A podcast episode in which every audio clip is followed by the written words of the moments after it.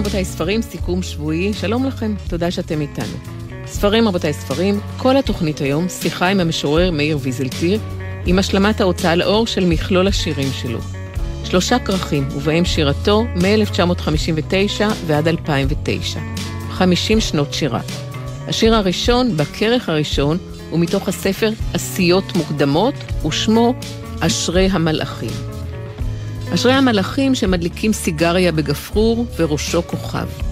אשרם עם כפות רגליהם, כלשוננו, בבתי שחיים. יצורי ים מוזרים, מפלצות הדר. מים רבים לא יכבו, ומשק כנפיים לא ידליק את האהבה. כי בעוטפם לבני טליתות יאמרו, אשרי יושבי. והשיר האחרון בכרך השלישי הוא מתוך הספר מרודים וסונטות, ושמו שתי שוטטויות ברובע הנמל בגינאה.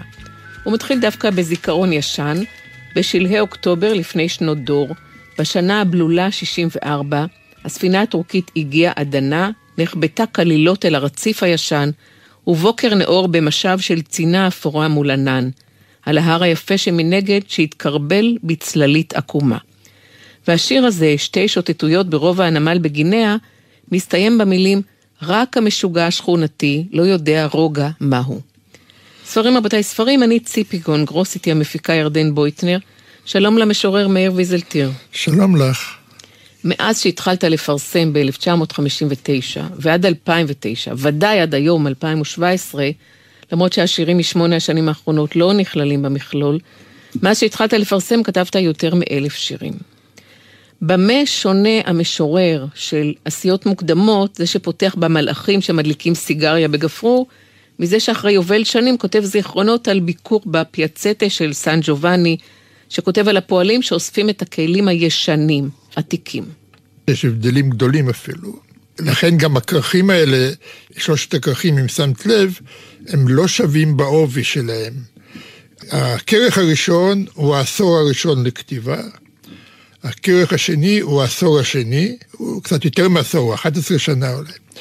הכרך השלישי הוא 29 שנים, והוא באמת הרבה יותר עבה, וזה לא במקרה, כן? אני מבחין בשלוש תקופות, אבל להגדיר אותן, אני לא הייתי רוצה בכלל, שיגדירו אחרים. אבל יש הבדל אחד ברור, שאי אפשר להתווכח עליו, הסיגריות.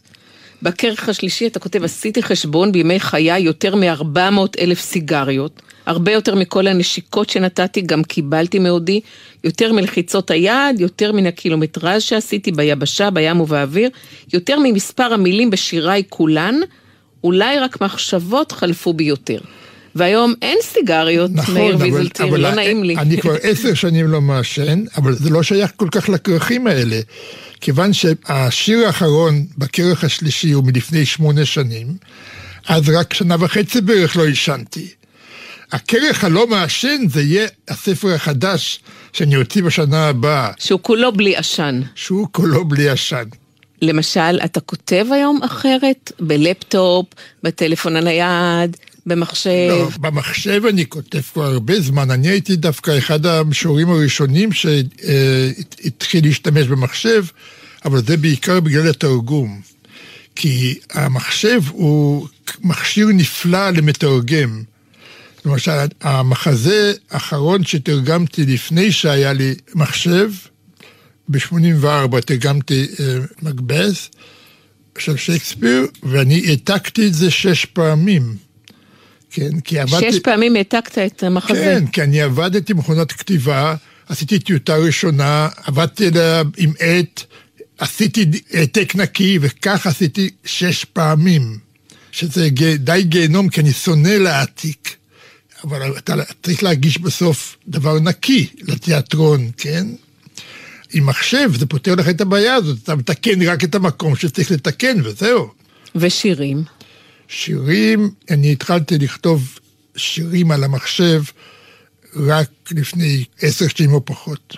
אתה כותב בכתב יד, בעיפרון, בעט? גם היום, אני, רוב השירים שלי גם היום, יש עטיותיי על נייר. עם, עם עט, עם עיפרון. אם זה בבית, זה בדרך כלל עם עיפרון, כי אני אוהב עפרונות. אני הבחנתי, תתקן אותי אם אני טועה, בברק בעיניך כשדיברת על התרגום. לא, ברק בשמחה. בעיניי זה סתם היה אור מוחזר. אני, אני דווקא כמעט שלא מתרגם יותר. רומנים אני כבר לא מתרגם, פרוזה אני לא מתרגם, אני מתרגם רק מחזות עכשיו. אבל עכשיו אני לא מתרגם כלום. כי uh, אני רוצה להספיק לכתוב משהו, אז אני לא... תרגום זה המון, זה המון עבודה, וזה גם, זאת עבודה משעבדת מהבחינה הזאת, שאתה לתקופה מסוימת משועבד למקור, אתה צריך להיכנס מתחת לאור של מישהו אחר. וזו חוויה לא רק טובה, היא גם חוויה מאוד מעייפת. למי שהוא בעצם רוצה לכתוב, בעיקר. אז להיכנס מתחת לאור של וירג'יניה וולף או של שייקספיר זה עניין שמאוד מתיש. ואני מאוד שמח שאני עכשיו לא מתרגם. אני יכול לתרגם לפעמים שיר, כי מתחשק לי, פשוט זה משהו אחר. כן, ככה תרגמתי את כל השירים שתרגמתי אי פעם, לא תרגם, אף פעם לא לקחתי לעצמי משימה לתרגם, נגיד, מבחר של איזה משורר. רק שירים אקראיים שפתאום מתחשק לי לראות איך הם נשמעים בעברית. אתה קורא לעצמך בקול רם את השירים שלך, את התרגומים? כשתרגמתי שייקספיר, הייתי אפילו מקליט לפעמים. זה מאוד חשוב שזה יישב טוב בפה של השחקן. רציתי לשמוע איך זה נשמע, ואפילו הקלטתי לפעמים סצנות. ויש מוזיקה בשירה, בכל שירה כתובה, כן. בוודאי בשירים שלך. כשהמוזיקה היא בתוך השיר, זה אומר ששייפת, פיסלת, מחקת. אין כללים בדברים האלה. לפעמים השיר כזה נולד נימול, נולד עם המוזיקה, לא צריך לשנות במוזיקה שום דבר, צריך אולי רק לשנות קצת פיסוק, או לשבור את השורות קצת אחרת וזהו. ולפעמים שיר זה חודשים של עבודה. לפעמים יש, יש בו בעיות שאתה רואה אותן, אבל צריך לפתור אותן גם, לא רק לראות אותן. וזה לפעמים לוקח הרבה זמן. לדברים מסוימים צריך את הדבר הזה שמכנים אותו השראה, ואתה לא יכול להזמין את זה. אתה רק יכול לחכות שיהיה לך איזו תנופה, איזו השראה, לתקן את הדבר הזה שנראה לך פגום. אפשר לתקן דברים בשיטת הגיוץ. זאת אומרת, לגהץ אותם. לגהץ פנימה גם את הפגמים, שלא יבחינו. כן, לגהץ, אבל זה לא מוציא שיר טוב במיוחד, השיטה הזאת של גיהוץ. צריך הברקה, והברקה אתה לא יכול להזמין, צריכה לבוא. ואם אה, השתמשת במטאפורה של מגהץ לצורך תיקון לא מוצלח של שיר, באיזה כלי היית משתמש, או אתה נוהג להשתמש לא, כדי... הברקה, כדי... לא, זה, זה בדיוק ההבדל, הברקה היא לא כלי. היא דבר שקורה לך, כמו שקורה לך הדבר שאתה כותב שיר, גם ה, אם יש בעיה בשיר, האידיאלי הוא שהיא תיפתר על ידי הברקה, על ידי השראה כלשהי, שפתאום אתה רואה מה אפשר לעשות, כן? לא כלי. היום, בספרות העברית, עכשיו נעזוב את השירה רגע, בפרוזה אין היום כמעט, אני חושב, או אולי בכלל לא, ספר פרוזה שיוצא בלי עריכה יסודית של עורך. זה גיוץ, כן? זה אדם לוקח את האריג המקומט קצת של מישהו הוציא מתחת ידו, ועובר אליו המגץ כדי שיהיה דומה להריגים אחרים. זאת שיטה יעילה, אבל לא טובה לבניית ספרות. אני חייבת להגיד שאני מוקסמת מה, מהניסוח הזה של, של מגהץ כדי שכולם יראו אותו דבר. מדהים, מדהים. אתה יודע, מכיוון שאני מחזיקה ביד מאיר ויזלטיר שלושה כרכים, שזה מכלול שירתך במשך 50 שנה, אז אני אוהבת לחפש לפעמים גם דרך האינדקס. כן. ויש לך שם אינדקס שמבוסס על התחלות של שירים, וגיליתי 14 שירים שמתחילים במילה יש. למשל, אחד מהם דווקא מהספר הראשון, מהשירים המוקדמים יותר, אומר, יש אנשים שמתקשים להודות באמת, יש אנשים שהאמת מפחידה אותם, יש אנשים שכשהם רואים את האמת הם בורחים לדרום אמריקה, יש אנשים שבשבילם אמת בבית זה כמו מת בבית, וכך כל השיר אומר, יש אנשים, ובסוף יש אנשים שאמצעי חיטוי כנגד האמת הם פרנסתם. הם פרנסתם, כן. הם ממליצים להשתמש בהם בוקר, צהריים וערב, כי האמת, בדומה לנמלים ולמקקים, עשויה להתגלות במפתיע, בכל זמן ובכל מקום, כאילו יש מאין. אפשר לומר שזה שיר אה, פוליטי בתולי משהו? זה פוליטי במובן הרחב ביותר. יש לי הרבה שירים עם חומרים פוליטיים. השיר הזה הוא עוסק בכל מיני אספקטים של מכאובי האמת באנושות. לאו דווקא פוליטי, יש פה גם שורות שהן לא מתייחסות לדברים פוליטיים בכלל. זה הבעיה של, זה, השיר הזה עוסק בבעיה של האדם הממוצע עם האמת. כי קודם כל, מה זה האמת? אין דבר כזה.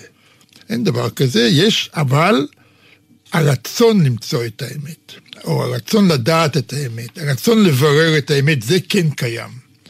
כן, אין האמת, יש אמיתות. אפילו, אני לא מדבר רק על אמיתות סותרות, כן, כמו נגיד האמת של הישראלים והאמת של הפלסטינים, שזה כאילו שתי אמיתות סותרות לגבי הנכבה נגיד. יש כל מיני רמות ודרגות של אמיתות בכל עניין.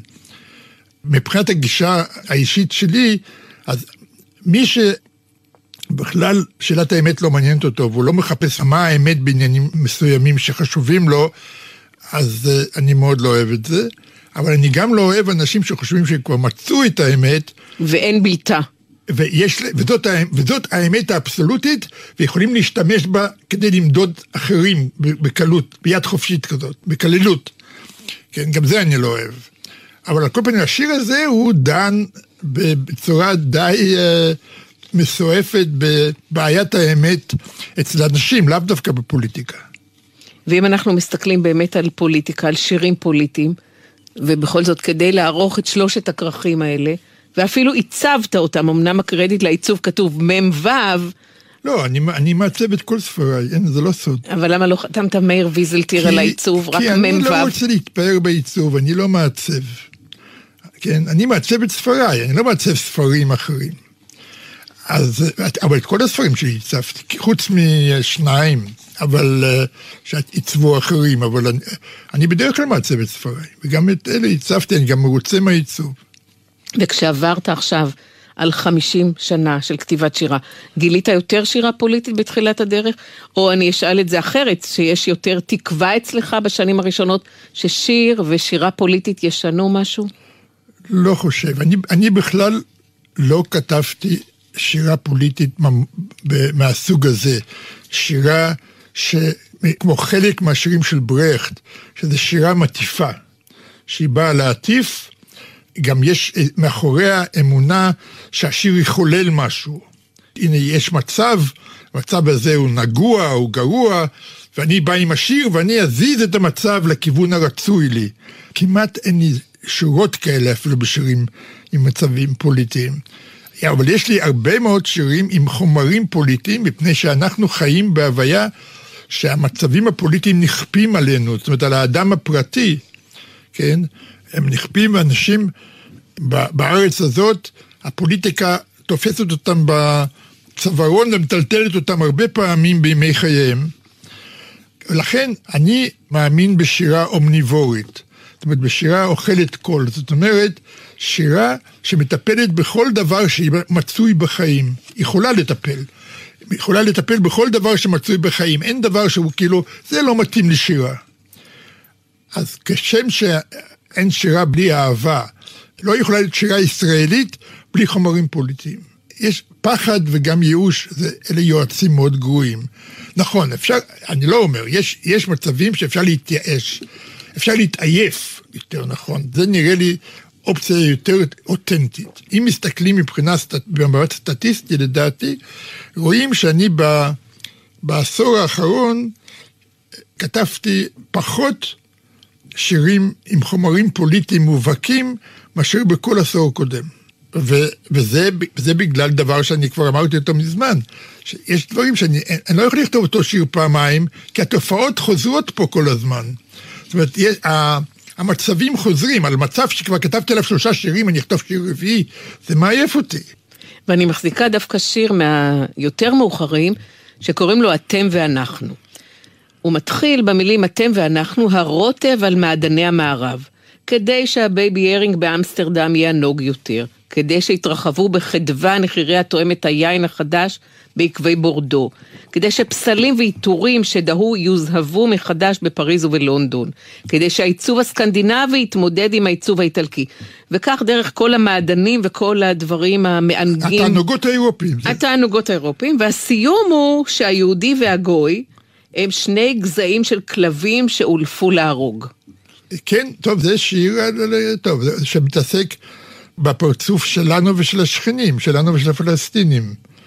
כן, ש, ומציג אותם בתור קורבנות לתענוגות אירופיים מסוימים, כן. זאת אומרת, שאנחנו אידיוט, שני אידיוטים שרבים ביניהם כל הזמן, מוצאים אחד לשני את העיניים, ואחרים מסתכלים בהם, מתערבים, אומרים כל מיני דברים חכמים, כן. ואנחנו בשלנו, בנשיכות. כן, ולא... ואנחנו ממשיכים לנשוך כאילו שזה מביא אותנו לאיזה מקום. ומאיזה גיל אתה כותב, מאיר? תלוי מה זה נקרא כותב. אני החלטתי בגיל תשע שאני סופר. לא משורר, זאת אומרת, אני אז, כי אז לא, לא, כמעט לא קראתי שירה, לא יצא לי לקרוא שירה, חוץ משירים שלומדים בבית ספר. שמרתי את זה בסוד, לא גיליתי את זה. כולם חשבו שאני אהיה צייר, כי אני ציירתי כילד. ואז בגיל עשר כתבתי כמה שירים, ואחרי זה חדלתי לכתוב עד גיל שבע עשרה. לא כתבת, לא רק לא פרסמת. לא, לא, לא, לא רק לא כתבתי, אני עד גיל חמש עשרה לא קראתי שירה כמעט. חוץ ממה שלימדו בבית הספר, רק שבגלל שאני כזה ילד סקרן, למדנו ביאליק, אז קראתי את כל שירי ביאליק. למדנו צ'רניחובסקי, קראתי לא את כל שירי צ'רניחובסקי, אבל היה מבחר כזה של שירי צ'רניחובסקי. לבתי הספר. כן, קראתי את כל המבחר, כן. זה כי הייתי סקרן פשוט. אז בוא נדבר על שירה ועל משוררים ועל שירה ועל קוראים. כן. התכנסנו כדי לדבר על שירה. מתוך שלושת הכרכים האלה אפשר לבחור המון דוגמאות לשירים שיש בהם ארס פואטיקה. אתה כותב למשל, שירה נבלעת היא כמו אי בלי שם, באוקיינוס שקוראים לו בטעות שקט. או אתה כותב שיר על משוררים שקראו בשירים והם עוד בוררים ובוררים. או אתה כותב, הלילה אנחנו קוראים שירים, אבל העולם איננו קורא שירים הלילה. כן, זה אגב שיר שאני כתבתי אותו לא, לא עם, עם מטרה, אבל הקונטקסט שכתבתי אותו, ואחר כך הבנתי שלכן כתבתי אותו, זה היה כשהתחלנו לעשות ערבי שירה בשלושה, עם יונה, יאיר ואני. יונה וולך ויאיר הורוביץ. כן, יונה וולך ויאיר הורוביץ. ואני כתבתי את השיר הזה בהשפעת כנראה אחד הערבים הראשונים, ואז הייתי קורא אותו בתחילת הערב. מעל הבמה. זה, זה שיר כזה שהוא שיר מפתח, כמו מפתח מוזיקלי לפתיחת ערב הקריאה. הלילה אנחנו קוראים שירים, אבל העולם איננו קורא שירים הלילה, ולא בלילות אחרים. איננו קורא שירים, אפילו לא את היפים ביותר. לעולם לא יועיל העולם לקרוא אפילו את היפה ביותר בשירים. אפילו נפציר בו, אפילו נפציר בו מאוד, הוא לא יסכים. תודה, מאיר ויזלטיר. אני מציעה שנעשה עכשיו הפסקה קצרצרה בשיחה שלנו כדי לשמוע שיר מולחן שלך. כמובן השיר הכי מפורסם הוא "יש לי סימפתיה", ששלמה גרוניך הלחין ושר, אבל נדמה לי שאת זה המאזינים יכולים לזמזם בעצמם. הרבה מאוד אנשים יודעים את כל המילים בעל פה. אני פעם נדהמתי, גרוניך הזמין אותי להופעה גדולה שלו בפארק הירקון, התחיל לשיר את השיר הזה, והוא עשה סימן לקהל, והקהל שר את כל השירים, ידעו את כל המילים, נדהמתי מזה. ריגש אותך גם? התדהמה זה רגש. כן, נדהמתי, כן. זה הפך קצת להמנון של תל אביב בעצם. כן, נכון, אבל המנון, תראי, למשל, התקווה היא ההמנון של ישראל, אבל יש הרבה אנשים שיודעים רק שתי שורות לשיר מהתקווה, ולא את כל המילים. אבל הם ידעו את כל המילים, והרבה אנשים בקהל שרו את כל המילים, זה מאוד מאוד הפתיע אותי. אז לא נשמע את יש לי סימפתיה. איזה שיר אחר מולחן שלך תרצה לשמוע? אה, אולי את ההלחנה של יאלי סובול, אה, שוב יורד אורך כיפרורי. בוא נשמע, יאלי סובול.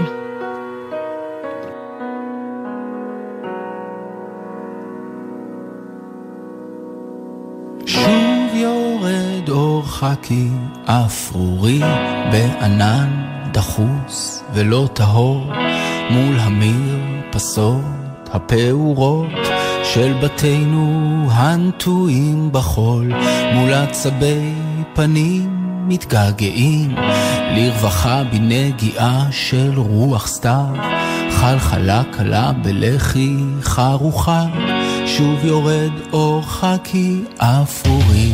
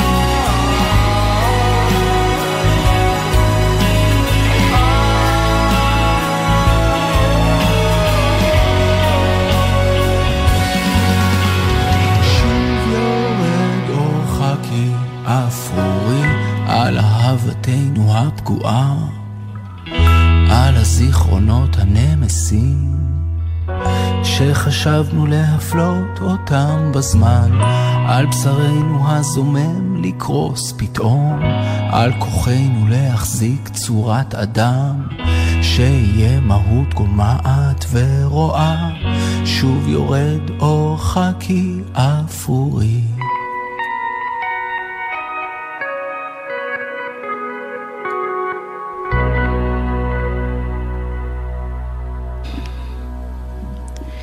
שוב יורד אור חכי אפרורי. יאלי סובול הלחין ושר, מאיר ויזלטיר כתב את המילים.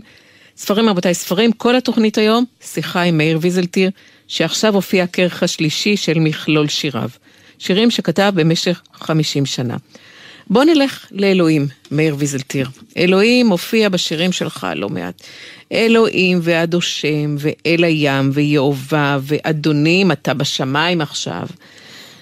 אתה מדבר איתו על בסיס קבוע? אני לא מדבר עם אלוהים.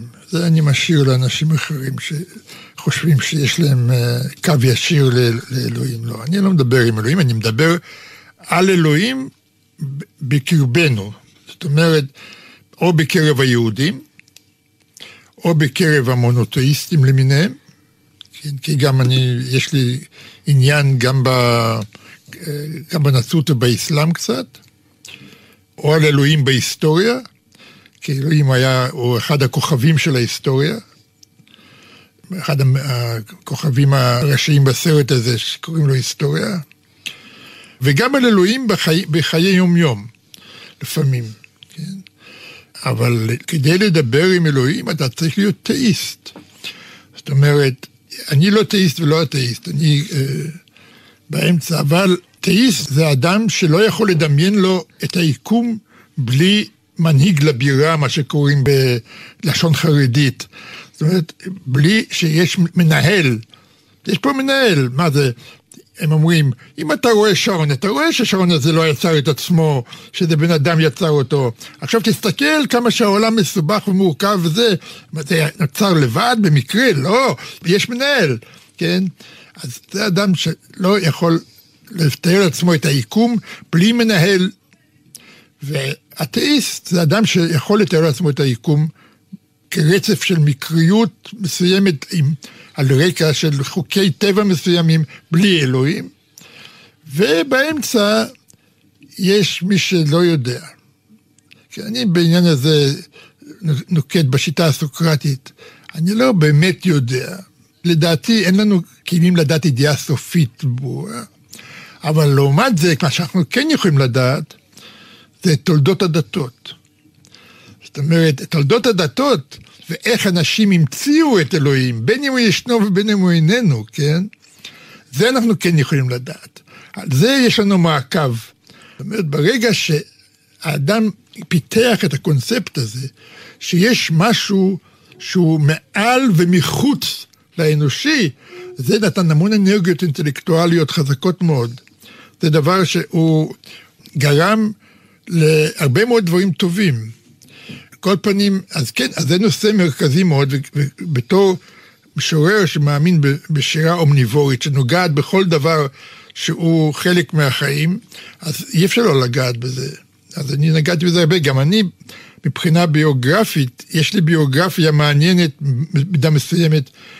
אה, כלפי הדת היהודית. רבי לוי יצחק מברדיצ'ב, אתה צאצא שלו. אני רבי לוי יצחק מברדיצ'ב מצד אמי, את הסבתא שלי מצד אמי, אבל מצד שני, המשפחה של אבא שלי היו אתאיסטים, וגם אימא שלי הייתה אתאיסטית. אבל אחר כך, בגלל הביוגרפיה המסובכת שלי, אני חייתי הרבה שנים עם אחותי הבכורה וגיסי, וגיסי חזר בתשובה.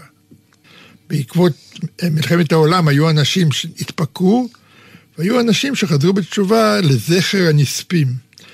על כל פנים, אז אני גם נעשיתי דתי. כשהייתי ילד, זה, זה עניין אותי, זה, זה הלהיב אותי, הרעיון הזה. ויחד עם גיסי, גם אני חזרתי בתשובה, כאילו. קיימת מצוות זמן מה? נעשיתי דתי, קיימתי, לא קיימתי הרבה מצוות, הייתי ילד. ילד לא, לא חייב לקיים הרבה דברים. אבל כן, הייתי דתי. עד שבגיל, ככה, מגיל, בערך מגיל 6 עד גיל 10 הייתי דתי. בתפיסה שלי הייתי אפילו דתי מאוד. אבל בגיל 10 התפקרתי.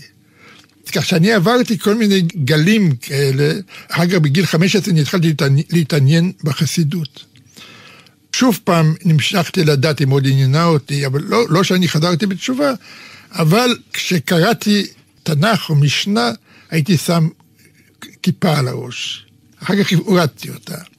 הייתי הולך לפעמים לבתי כנסת, לסליחות, לדברים כאלה, בגיל 15. כאשר גם מבחינה אישית לגמרי היו לי יחסים אינטימיים עם הדת. יש לך שיר שנקרא סבא נחמן בברסלב אמר. כן, כן. ואתה כותב הערה קטנה בסוף השיר, מתוך הספר, פרק א', פרק ב', הושמד במהדורת כן. 1984. כן. כלומר, השיר הזה היה, כן. באחד מספריך השמטת אותו, ועכשיו במכלול אתה מחזיר אותו. כן. למה השמטת ולמה אתה מחזיר? זה שיר מאוד מוקדם. כשאני, כשאני קראתי את רבי נחמן בברסלב, לא היו ברסלבים, לא היו נחנחים, לא היה שום דבר כזה. אני קראתי את הסיפורים ונדהמתי. הסיפורים האלה הדהימו אותי, ואני נורא אהבתי אותו, ואני התחלתי לקרוא עוד דברים שלו, ושלא סיפורים, אלא אה, דרשות שלו, וזה נכנס לספרי הראשון, זה שיר מאוד מוקדם, זה שיר שנכתב בגיל 19, משהו כזה. אבל אחר כך, כשהתחילה כל התנועה הזאת האיומה, שבעיניי, אם לא הייתי ברסלבר אמיתי, אני הייתי קורא את בגדיי בסמפר על ראשי, כי התנועה הזאת מחללת את זכרו בצורה פשוט פנומנלית. זאת אומרת, זה כמו לשים איבר מין בבית הכנסת. זה דבר שלא ייאמן, הצורה שמחללים את, את זכרו ואת, ואת רוחו של האיש הזה. בנסיעות לאומן, בכל. שהוא היה גאון, לא, הוא באמת אמר שמי שיעלה על קברו, בסדר, אז הוא אמר, אותה רזוקט אומרים ביידיש. בסדר, הוא אמר הרבה דברים. הם לקחו את המשפט הזה, אבל זה לא עצם הנסיעה לאומן. אם היו סתם נוסעים לאומן, משתטחים על הקבר וחוזרים הביתה, הכל בסדר. כל התנועה הזאת היא, תופעה מוזרה מאוד. אחת המפלצות שהמדינה הזאת מולידה, בגלל שהמדינה הזאת יש לה נטייה להוליד כל מיני מפלצות, כן? כמו תג מחיר, כמו נחמן מאומן, זה, לדעתי זה אותה מחלקה שפסיכית, כן? זה, זה למחלות רוח. בגלל התנאים המיוחדים שהמדינה הזאת יוצרת, הן מתפתחות. כשהתפתחה מחלת הרוח הזאת, אני הוצאתי את השיר הזה מהקובץ של כמה ספרים ביחד, הוצאתי אותו, כי אני, אני לא רציתי שמישהו ישייך אותי לדבר הזה. אבל עכשיו כשאני מקבץ את כל שיריי, אז כמו שאמר פונטיוס פילטוס, מה שכתבתי, כתבתי. כן? כתבתי את זה, כתבתי את זה בתום לב. כתבתי, לא כתבתי את זה בתור אה, אה, נח, נח, נח, נח, נחמן, כן?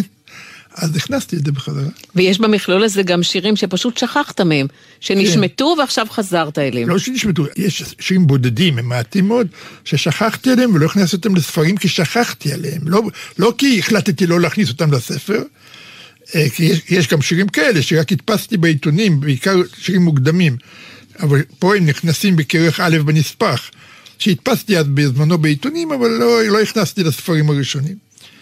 אבל יש, יש כמה שירים בודדים שפשוט שכחתי עליהם לגמרי. למשל? בכרך ג' יש שיר שכתבתי אותו בסוף שנת 88 בכלל. נסעתי ברכבת לפסטיבל ברוטרדם, שהייתי מוזמן באותה שנה, וברכבת כתבתי שיר קטן, ואחר כך שלחתי אותו במכתב לחברה שלי באותו זמן, ימפה בוליסלבסקי. שתמונתה היפהפייה גם מופיעה בספר יחד איתך. כן, ואני שכחתי עליו. וכשהוצאתי את הבאים, אני לא זכרתי אותו. והיא מתה לפני שנתיים, ואז הסתכלתי בחלק מהמכתבים שכתבתי לה, ופתאום מצאתי את השיר הזה במכתב. אז אולי תקרא אותו. כן, השם השיר הקטן הזה, ברכבת מאסף לרוטרדם. שלוש ילדות זהובות ופוני שחום אחד בלב השדה. הפוני קשוב, הילדות רציניות, אומרות לו דברי טעם. בכל רחבי ההכרה, מן הים הצפוני עד ברלין, אין שום סכנה. ואתה מדבר פה על שלוש ילדות, שוב, מעיון באינדקס בסוף, מצאתי המון שירים שמתחילים בספירה. שלושה בדרך לירושלים, שלושה ויקינגים בריטים, שלושה שירים עם כלב, שלושים ארבעים שנה. טוב, תראי, יש ב, בחיי יום-יום הרבה דברים הם או שנכנס אדם אחד לחדר, או שניים, או שלושה. זה מספר אה, שימושי, שלושה. אני לא יודע אם יש לי יחס אה, מיוחד למספר שלושה, אולי אני לא יודע. בכלל, למניעה, למניעה יש לך, ו- ודווקא אני אסתכל כאן על שלושה שירים עם כלב, ואתה כן. כותב כן. על הכלבה הקפיצית ועל הכורסה. בשלישייה הזאת אני אוהב בעיקר את השיר האחרון, אני חושב השלישי. את השיר מחשבת מוות, הכלב שועט. כן. יש שיר מתוך המחזור, שיש לו שם כזה, נגוהות קיץ או הסתפקות במועט. וזה השיר האחרון במחזור. יש שני ציפורים בראש הבוגנביליה, יש חתול למרגלותיה. היום כבר נשבר, האבנים חמות. נפש החתול יוצאת אל הציפורים. נפש הציפורים כבר שבעה את היום. ראשיהם השחורים ניתרים לצדדים, שתם הצהוב כבר מתאווה ללינת לילה. החתול נזקף על אחוריו, מקשט את בתו האתלטית. משעין את הקדמיות על ענף בוגדני, שומט, מגלגל עיניים אל על, זנבו מנגן את שקיקותיו. הציפורים מנטרים, עוד מעט יתעופפו מכאן לעץ אבות. החתול מלא כיסופים וקוממיות. אין הוא מנסה לטפס. ניסיונו בגן אומר לו את האמת. לעולם לא יניח כפו על הבולבולים האלה. אבל אין לב לוותר, בייחוד על השקיקה. ואתה אומר ציפורים בזכר, רוב האנשים יגידו ציפורים עפות. אני תמיד אומר ציפורים בנקבה, פה אני אומר יש שני ציפורים בראש הבוגנביליה בכוונה. כי יש לך שיר אחר על העברית, שבו אתה כותב רק בעברית יפה, מתחרז עם קפה, רופא עם אופה. כן. וקצת כמו המעשים של אבות ישורון בתוך העברית, בטכניקה אחרת, מזווית אחרת, אתה משחק עם העברית הרבה פעמים בספרים שלך, מאיר ויזלטיר. במה נשחק? הפסל משחק עם החומר. אם הוא מפסל בחומר, הצייר מורח את הצבעים על הפלטה, מורח אותם על הבד, ואנחנו משחקים במילים. השפה כולה, עם כל השכבות שלה והמהמורות שלה וה, והמחבואים שלה, היא החומר שלנו, של בכלל של אנשים שכותבים, אבל בעיקר של משוררים, כי ה... בשירה השפה משחקת תפקיד פחות שקוף, פחות ממילאי, פחות מובן מאליו מאשר בפרוזה או במאמר. איזה מילים בעברית הנוכחית אתה אוהב ואיזה מעצבנות אותך? אני לא יודע, אין לי רשימה כזאת. קודם כל, ברגע שמילה היא באמת בשפה, אפילו זמנית, מילת סלנג נגיד. הולך הבית למשל, זאת מילה שאני לא יכולה לשאת את הביטוי הזה. הולך הבית. אני אף פעם לא הייתי מוצא את עצמי אומר הולך הבית, אבל כשאני שומע את זה אני לא קופץ מהמקום. כי הצורך של אנשים לעשות להם שפה שהיא לא כמו השפה המקובלת, הוא מובן לי. אני גם עושה את זה בדרכי. כן? ממילאית אמרת לפני דקה, כן. כן. ממילאית. כן. הצורך של אנשים לחרוג מהשפה הממילאית באמת, הוא מובן לי, גם אני עושה את זה בשיטה שלי. אני במובן מסוים מומחה לשפה, כן? רוב האנשים הם לא מומחים לשפה, אבל זה לא אומר, מומחים לא מומחים, הם גם אוכלים שלוש פעמים ביום את השפה העברית, כן? הם מחפשים דרך להשתמש בה קצת אחרת, שהם ירגישו בה נוח, שהם ירגישו שזו חולצה שנתפרה עליהם, כן? אני מבין את זה, לכן אני, זה לא, הדברים האלה לא מקפיצים אותי. אותי יותר מקפיץ או מייגע שימוש שמעמיד פנים של סלנג. זאת אומרת, אנשים שהשפה האמיתית שלהם היא די תקנית, אבל הם אומרים סלנג עם קריצה, כן? זה אני לא אוהב. מישהו אומר את הביטויים האלה, הקצת גולמניים, באמת אומר אותם, יש בזה אפילו חן מסוים לפעמים. אותנטיות בוודאי. חן, זה חן, מה זה אותנטיות? אתה רואה את המעמד של האדם, לא סתם לחזור על מילים, אלא להתבטא, לבטא משהו, לצבוע באיזה צבע שלו את, ה, את האמירה שלו. המאמץ הזה לא תמיד מצליח. מי שכותב רומן, הוא תמיד מצליח לכתוב רומן טוב? לא. גם מי שאומר משפט אחד, לא תמיד מצליח להגיד את המשפט כמו שהיה אה, טוב להגיד אותו. אבל, אבל זה מעניין, יש לי רוחב דעת כלפי המשתמשים בעברית. הם לא מקפיצים אותי כל כך מהר. ואם אנחנו מדברים על העברית, אי אפשר uh, לשכוח את החרוזים. יש כאן שיר שנקרא חרוזים אני מבזבז. אני מבזבז שירים על משוררים, שירים שבאו להיקרא על ידי אנשים, להיטעם בלשון אדם, משוררים אוכלים אותם. זה מתחבר גם לוויכוח הידוע והאינסופי של חריזה אי חריזה. אני לא שותף בוויכוח הזה. אני, הדגישה שלי מההתחלה הייתה שחרוז זה כמו כל אמצעי שירי אחר. כשהשיר צריך את החרוז, אני אחרוז.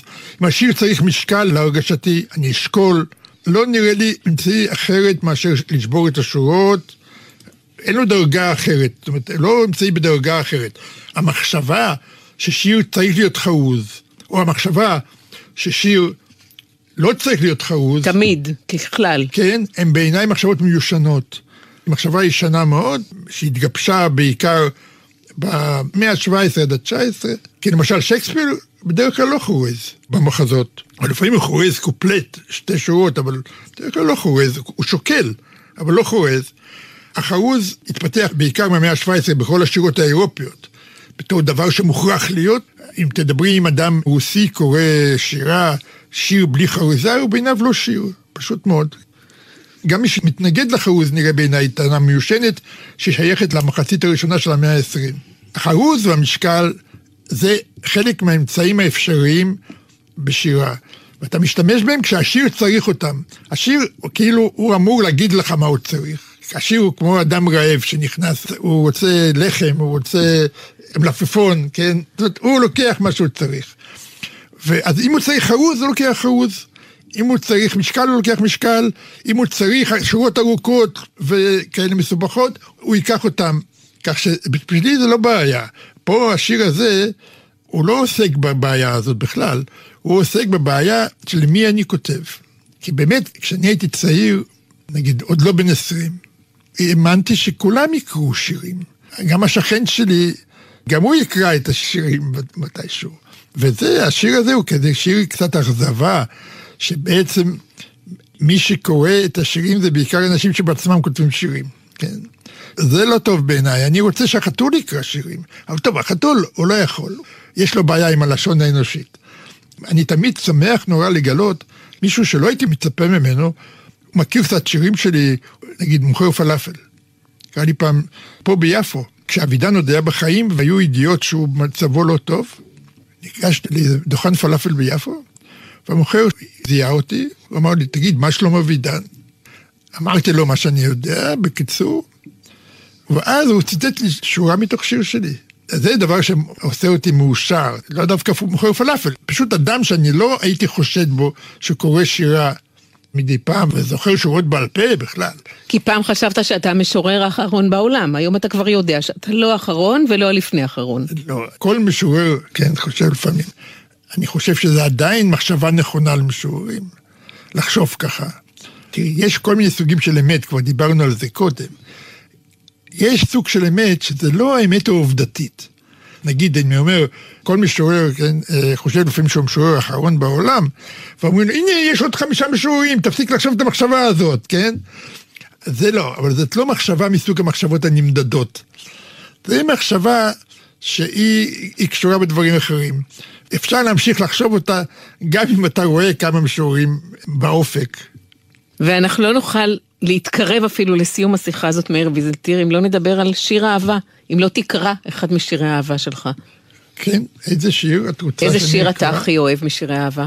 אני בכלל, אין, אין שיר שאני הכי אוהב, אין סרט שאני הכי אוהב, אין סופר שאני הכי אוהב, אין צייר שאני הכי אוהב, אין לי קטגוריה כזאת. אני רוצה לקרוא את אחד השירים שאת אוהבת. זה שיר מתוך מחזור, שלכל המחזור קוראים אהבה, וכולו שירים קטנים בענייני אהבה. וזה השיר הראשון הפותח את המחזור. אהבה היא לאהוב את ריח הזולת. על כן יש ללמוד אהבה מגיל רך, כי הריח הוא גם תולדות הריח. עכשיו, בגילנו הרב שכבתי המדהים, האם כוחנו רב ומה כוחנו להמציא אהבה לריח פתאומי, חדש עתיק, הנושא בחובו רמז ענוג לבני ריח, מבשרי עתידות איומות כמונו. לא זכרתי שהוא מסתיים בקצת עצבות כזאת. כי דווקא אהבה היא לאהוב את ריח הזולת, על כן יש ללמוד אהבה מגיל רך, כי הריח הוא גם תולדות הריח, זה משפטים מאוד אופטימיים. בסוף זה פתאום קצת פסימי. וכמה נכדים יש לך? נכדות בלבד. יש לי רק בנות ורק נכדות, שלוש נכדות. בנות כמה? שתי בנות, שלוש נכדות. הבכורה שלי היא כבר ממש אישה מבוגרת, זאת אומרת, בוגרת, בת 25. אתה התחתנת בגיל 20, אז יש לך היום נכדה בת 25. 21, כן. הייתי עדיין בן 21, זאת אומרת, עדיין לא מלאו לי 22 כשנולדה לי בת, הבת הבכורה. והבת שלה היא היום בת 25. והנכונות האחרות, בת 19 ובת 16. ומישהי מבנותיך או נכדותיך עוסק בכתיבה? באיזשהו אופן כולם. הבת הגדולה שלי כותבת סיפורים מדי פעם, נטליה ויזלטיר, היא כותבת סיפורים, לפעמים. הבת הצעירה שלי היא עורכת סרטים, אבל היא גם, יש לה די יד בכתיבת תסריטים לפעמים של סדרות. היא גם כותבת פה ושם חלק מהתסריט. הנכדות שלי הן אה, כולן מוכשרות במילים. לפחות הן קוראות למשל. אני לא הכרחתי אותן לקרוא, כן. אבל קראת להן בילדותן? לנכדות כמעט שלא. רק לבנות כן. אבל אה, קראתי, הם גם אה, הם התחילו לקרוא מוקדם. הבת הצעירה שלי התחילה לקרוא ממש אה, בגן, ביוזמה שלה. היא התחילה כל הזמן לבלבל את המוח מה כתוב במודעות. גם הבת הגדולה היא למדה מהר מאוד, הן קוראות מגיל צעיר, והן קוראות עד היום, וגם הנכדות שלי כולן קוראות. כותבים יש הרבה, צריך קוראים. ובקרוב יופיע הספר הרביעי, שבו שירים מ-2009 עד כן, עכשיו? מ-2009, כן, מסוף 2009 עד עכשיו, וזה יופיע בשנה הבאה. הוא יהיה ספר עבה. בתור ספר בודד, הוא יהיה הספר הכי עבה שהוצאתי אי פעם של שירים. כן, הוא יהיה מעל 200 עמוד. וזה כולם שירים שנכתבו מ-2009 עד עכשיו, כן, שמונה כן, שנים? כולם, כן, כן. כולם שירים מ-2009 עד היום. זה, זה יהיה קרוב ל-250 עמוד. ואתה כותב גם בימים אלו? אני בימים אלה ממש גמרתי את העריכה, אני צריך רגע לנשום. יהיו בספר שירים שנכתבו ממש בחודשים האחרונים. כן. ומה נאחל לך לסיום התוכנית, מאיר ויזלטיר? מה לאחל לי? בגילי, בדרך כלל אנשים, מה שהם בטובתך, הם מאחלים בריאות. אבל זה בריאות, כולם צריכים. נראה לא... לי שזה משעמם אותך קצת, בריאות. לא, עניין של משעמם. כשאתה לא בריא, זה מאוד לא משעמם. זאת אומרת, זה... בריאות צריכים כולם, זה פשוט לא יכולים לאדם מסוים. מי לא צריך בריאות? כולם צריכים בריאות. אבל uh, יש לי איזו תוכנית מסוימת לכתוב משהו, לא בשירה, בסוג של פרוזה. רומן? לא, לא, זה לא רומן, אבל זה, זאת פרוזה. זה לא רומן. זה פרוזה סיפורית, אבל זה לא רומן. זה משהו כזה חצי ביוגרפי. על זה אפשר לאחל לי הצלחה, אם רוצים. שתשלים אותו ותהיה מרוצה ממנו. שאני מרוצה, כן. נכון. זה מאוד חשוב, כי אחרת זה ייגנז. ורק בדקות האחרונות שמתי לב שלא אמרתי מתחילת התוכנית שאתה חתן פרס ישראל לספרות לשנת 2000, ואולי זה לא מקרה, כי אני מכירה אותך ואני יודעת שזה לא כל כך חשוב לך. טעיתי? מה פירוש לא חשוב? הפרס ישראל לא היה חשוב רק מבחינה אחת, שזה לדעתי היה פחות מדי כסף. אני חושב שמדינת ישראל היא כבר לא מדינת ישראל בתש"ח, שאין לה כסף באוצר. אם היא כבר נותנת דבר כזה שנקרא פרס ישראל, וזה נחשב הפרס הגבוה שנותנת, אז היא יכולה להיות טיפה יותר נדיבה. זה כן חשוב, מפני שזה אומר שישבה קבוצה של אנשים נחשבים מומחים בתחום של, שאתה עוסק בו, והם החליטו שאתה אחד המעטים שראוי לפרס הגבוה ביותר שהם יודעים לתת. זה משמח, כן? אבל מפרסים אתה לא יכול לחיות, עכשיו אני מדבר לחיות לא מבחינה כספית, אלא מבחינה דווקא של כתיבה. פרס לא עוזר לך לכתוב שיר אחד יותר טוב, כן? פרס לא, לא עוזר לך לכתוב שורה אחת בעצם. זה דבר משמח. אף אחד עוד לא בכה על זה שהוא קיבל פרס, כן? כמו שאומרים, אף אחד לא נתן סטירה על חנופה. כן, נדמה לי שמייחסים את האמרה הזאת לספיר, שאמר, עוד אף אחד לא קיבל סטירה על חנופה, כן. תודה רבה, מאיר ויזלטיר. כרגיל היה מרתק. תודה לך, היה נעים מאוד.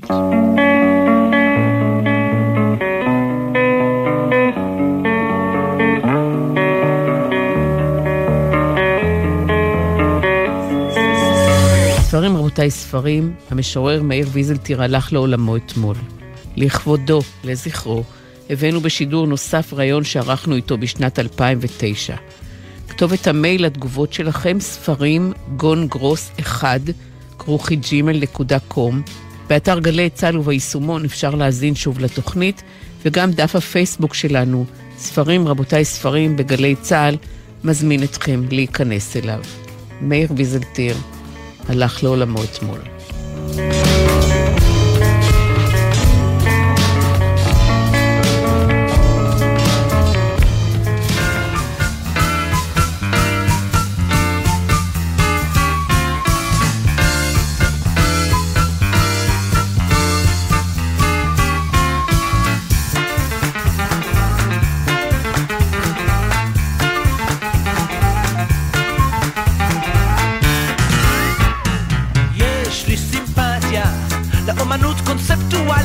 בתל אביב,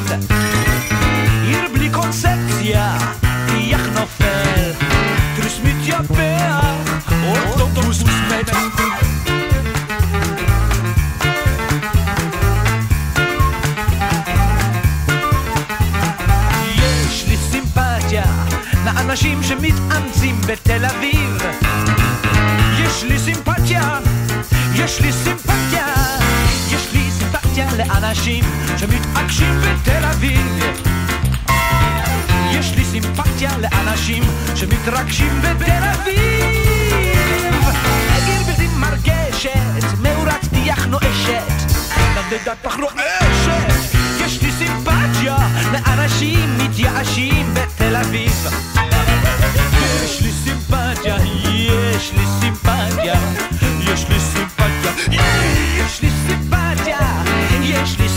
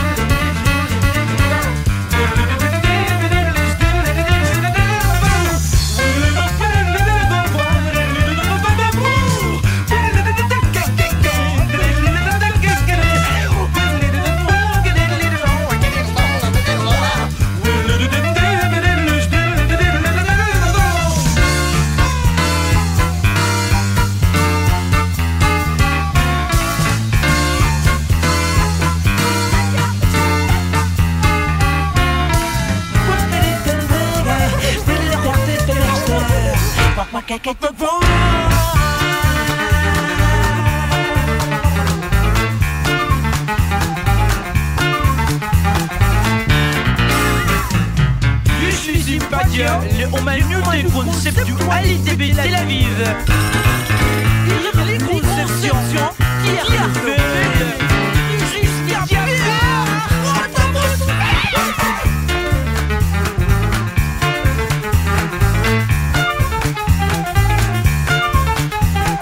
יש לי סימפתיה לאנשים שמתאמצים בתל אביב יש לי סימפתיה יש לי סימפתיה יש לי סימפתיה לאנשים שמתעקשים בתל אביב שמתרגשים בתל אביב עיר בלתי מרגשת מאורת פיח נואשת נדנדת פח רועשת יש לי סימפתיה לאנשים מתייאשים בתל אביב יש לי סימפתיה יש לי סימפתיה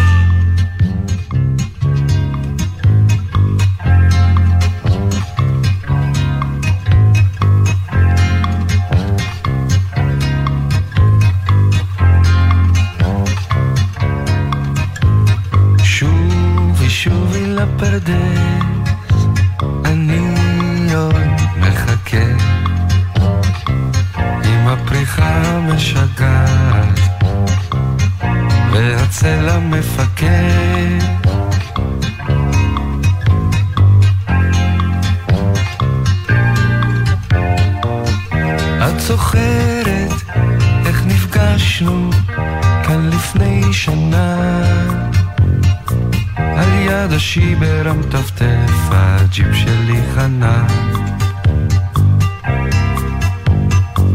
סתם ירדתי לנשום קצת ולסדר את הראש. קצת לשכב עם הטרנזיסטור תחת עץ הברוש. שובי שובי לפרדס אני